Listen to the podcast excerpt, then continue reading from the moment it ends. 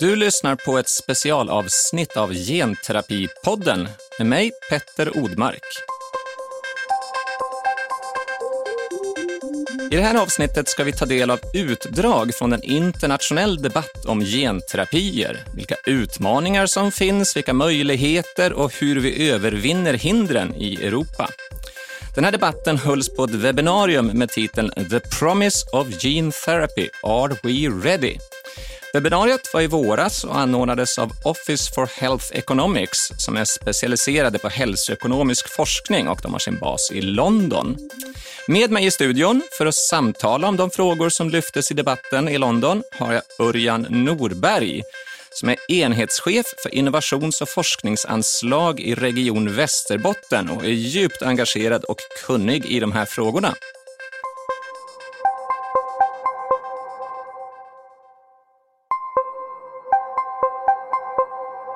Välkommen Örjan! Tack så mycket Petter. En glädje att få vara här. Det börjar komma allt fler godkända genterapier eh, i Europa och de har ju potentialen att bota svåra sjukdomar, många av dem. Samtidigt går det ganska långsamt kan man nog säga, på många håll när det gäller att faktiskt få ut dem till de patienter som väntar. Så en viktig fråga är förstås, hur pass redo är vi egentligen för de här nya behandlingarna? Tänkte vi låt oss lyssna på hur Mary Harney, som tidigare var hälsominister för Irland, när hon på webbinariet i London beskriver läget i Europa. I think patients are definitely ready. They have high expectations. They have a growing trust in science on the back of medical advances. I think healthcare regulators and technology assessors are not fully ready. The political class or the policy class that I'm representing today, which would include payers, I think they're the least ready. Policy people very often are risk averse, and that will be particularly the case after the stresses uh, from COVID. They're concerned about safety, they're concerned about liability, they're concerned about budget impact, uh, they're concerned about the lack of information they have. If you ask me, are the health systems ready for gene therapies? Not as they're currently structured. Det var Marie Hörner. Vad säger du, Örjan? Hur redo är vi i Sverige? Ja, jag håller väl med på vissa delar i alla fall vad Mary säger och att det är fantastiska framsteg för patienterna och det är otroligt lovande resultat, även om de är tidiga. Vad det gäller politikerna kanske jag har en annan bild, att jag tycker ändå att det finns en öppenhet och en nyfikenhet på det här. Samtidigt som jag håller med Mary att ja, det finns stora risker med den här typen av behandlingar och det är väl deras yttersta ansvar ändå att vara försiktig med våra, våra pengar. Så eh, en hälsosam försiktighet tycker jag att det finns där. Sen kommenterar han ju också då systemet eller regulatorer och så vidare. Och där finns det ju en del utmaningar som kommer med de nya genterapierna och eh, systemet är inte helt uppbyggt för det. Så där kan jag hålla med henne. Och, och det finns en, en hel del utmaningar att brottas med som inte är helt lätt att lösa. Vi kommer säkert att komma in på dem lite senare. Du säger politikerna, det kanske är politikerna i Sverige är lite mer på tårna än i andra länder. Hur kommer det till uttryck, tycker du, att de är intresserade och, och aktiva? Ja, men det förs en, en livlig debatt om hur vi ska kunna tillgängliggöra de här terapierna på ett snabbare sätt för de här patienterna, för det är väldigt angeläget. Och eh, vi har jobbat med eh, värdebaserad ersättning eh, längre än de flesta andra länder och många gör ju inte ens det. Så att vi har ju ändå en ganska stor erfarenhet, både på nationell nivå men även på regional nivå. Hon var ju också inne på att det kanske ändå behövs förändringar eller att det, det finns saker som behöver förändras. Eh, en del av det som vi talar om i Sverige är ju ändå att, att vi behöver justera sättet som vi arbetar. Jag tänkte låt oss lyssna vidare på debatten. Och först med Annie Hubert som var tidigare chef för europeisk offentlig politik vid Alliance for Regenerative Medicine. Det är kanske en lobbyorganisation kring de här frågorna. Och sen Marie igen. Innovative payment models need to be better adopted. there needs to be ways to mitigate the uncertainties by having outcome performed based market entry agreements, conditional reimbursement, annuity payments. I mean, there are different ways where you can address the affordability issue and try to share the risk and also spread payment over time. But not all health systems are, are ready for that. And there's a number of barriers for this to be adopted.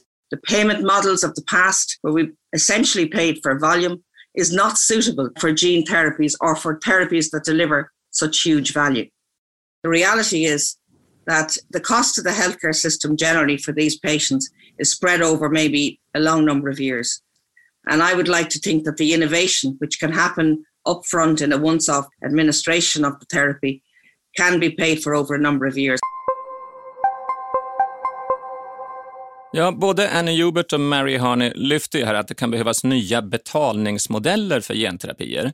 Och det är definitivt någonting som diskuteras i Sverige också. Och jag vet att du, Örjan, är till och med inblandad i ett pilotprojekt kring detta. Kan du berätta lite vad det går ut på?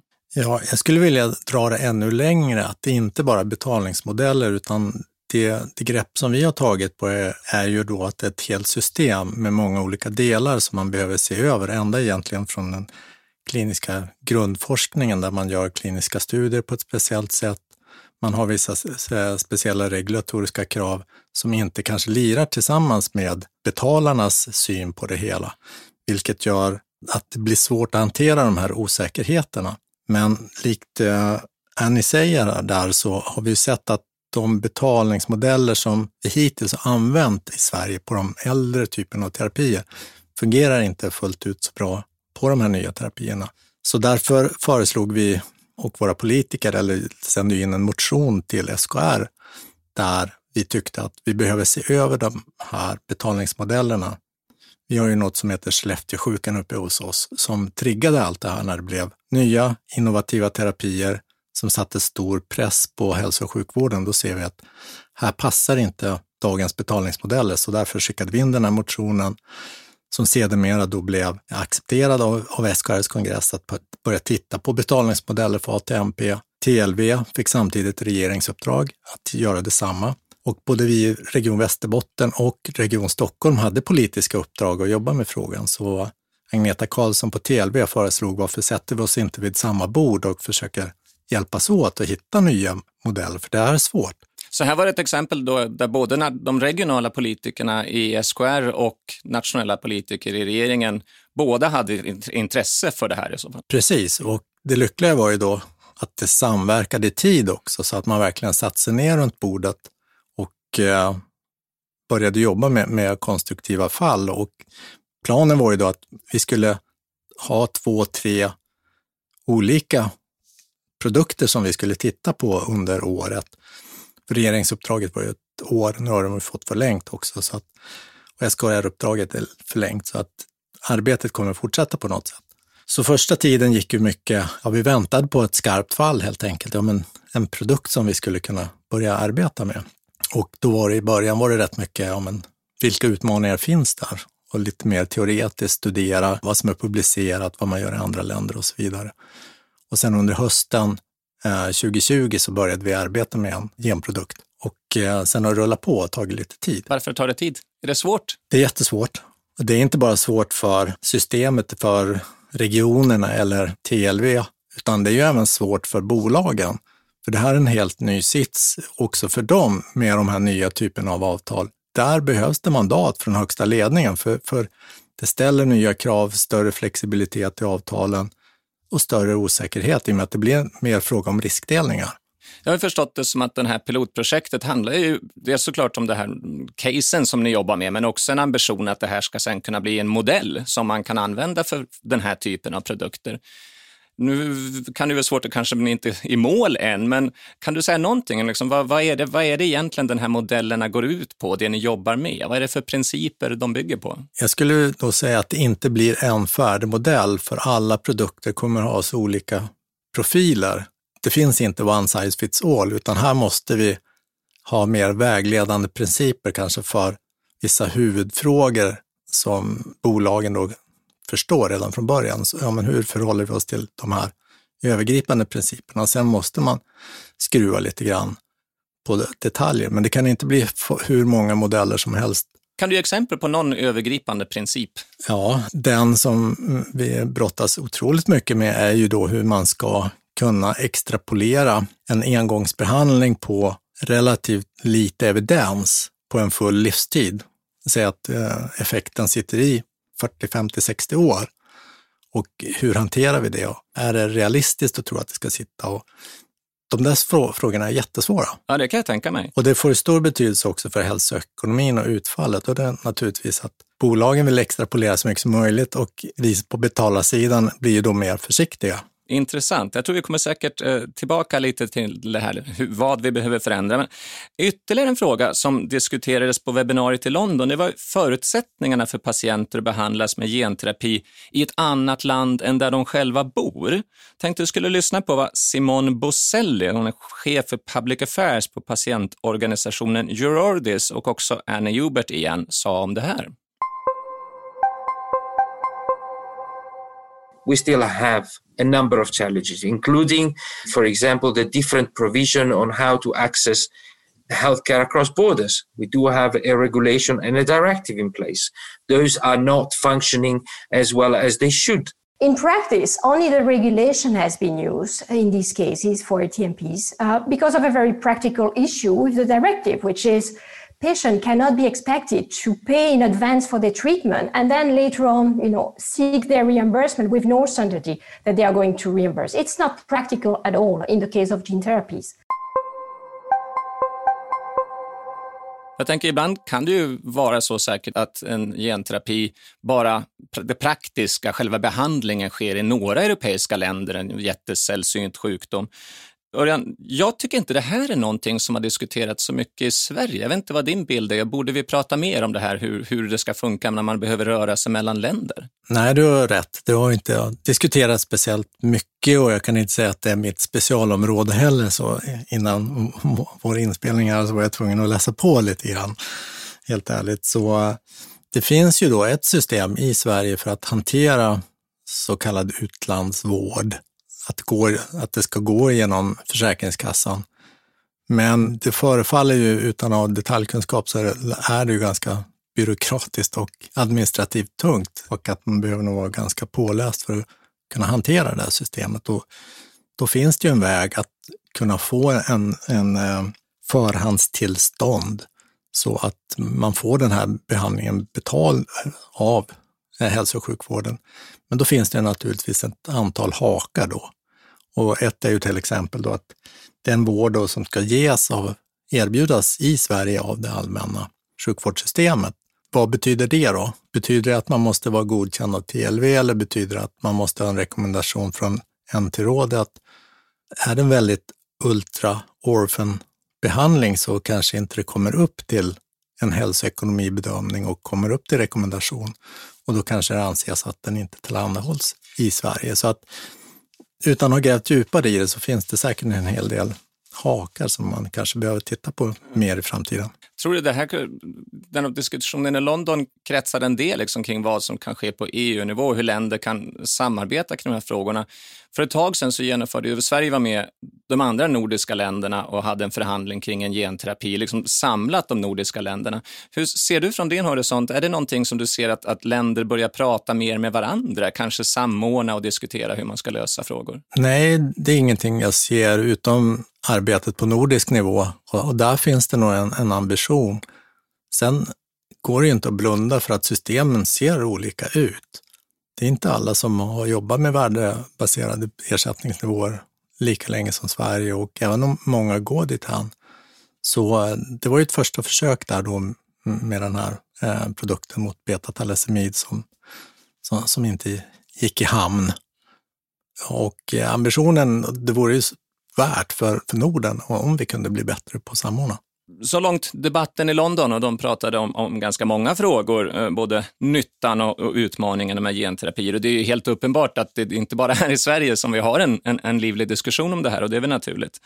Jag tänker, du jobbar ju i Region Västerbotten och eh, ni har ju till och med skrivit en hel vitbok om, om hur Sverige ska kunna bli ledande inom det här området.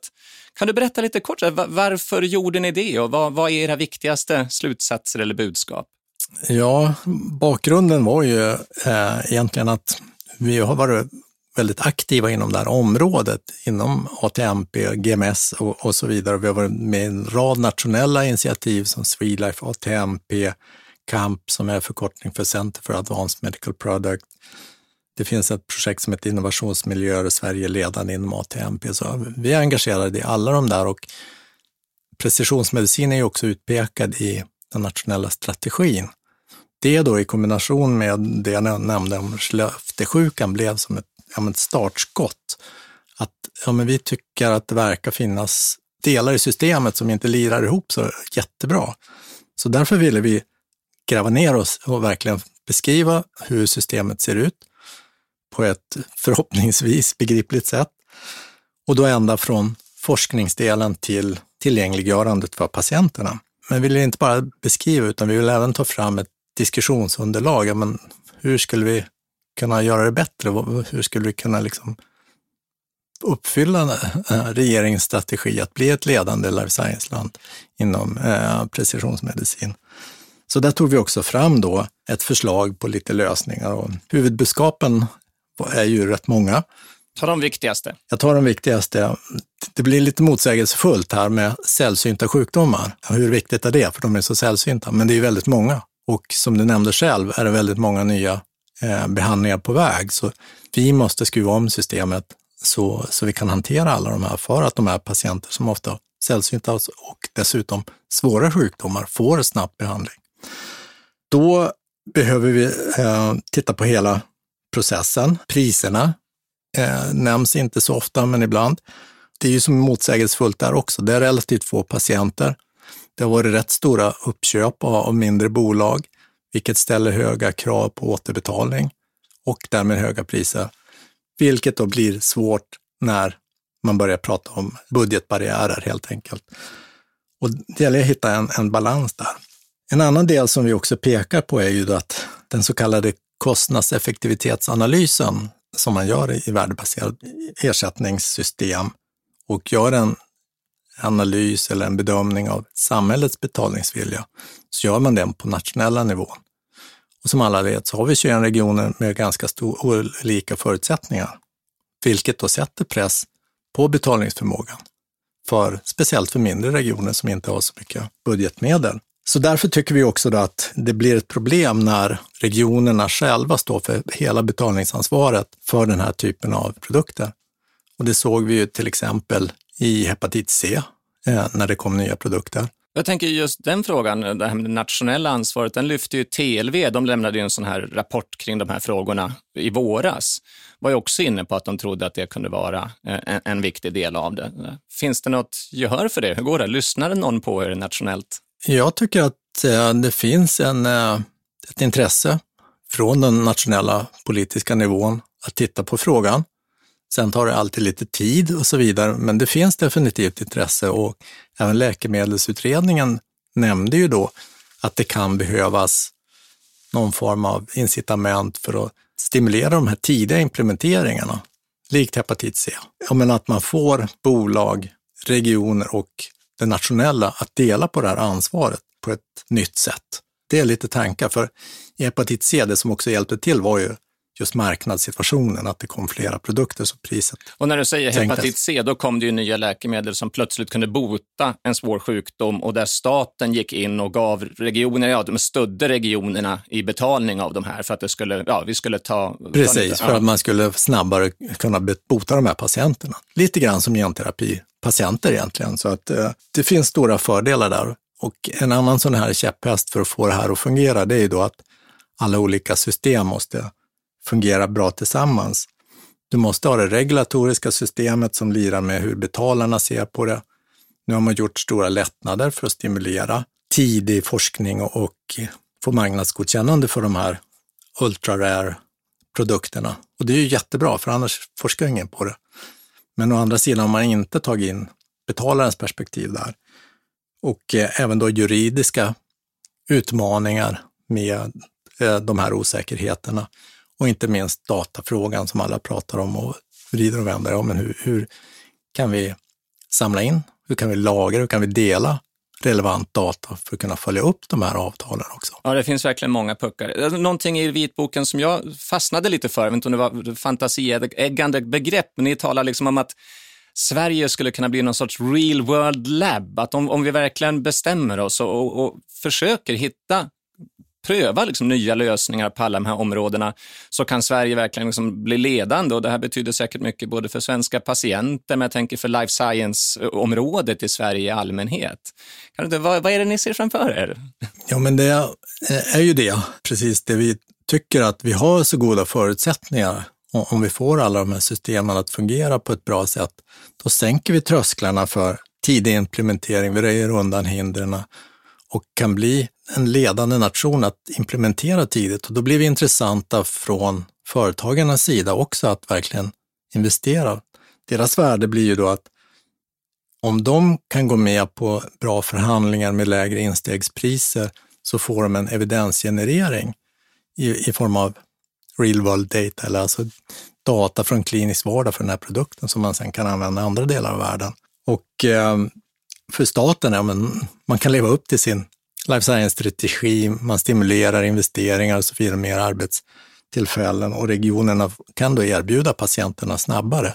Så det är liksom win-win-win för alla eh, delar, inte minst patienterna får då faktiskt behandlingarna utan att behöva åka utomlands. Ja, spännande. Jag tänker det kanske får bli slutorden för det här avsnittet. Tusen tack Örjan för att du ville komma och prata med oss om genterapier. Tack. Du har lyssnat på ett specialavsnitt av Genterapipodden med mig, Petter Odmark. Genterapipodden är en serie om aktuella frågor inom precisionsmedicin och genterapi från Novartis Gene Therapies Mer information kring ämnet hittar du på novartis.se.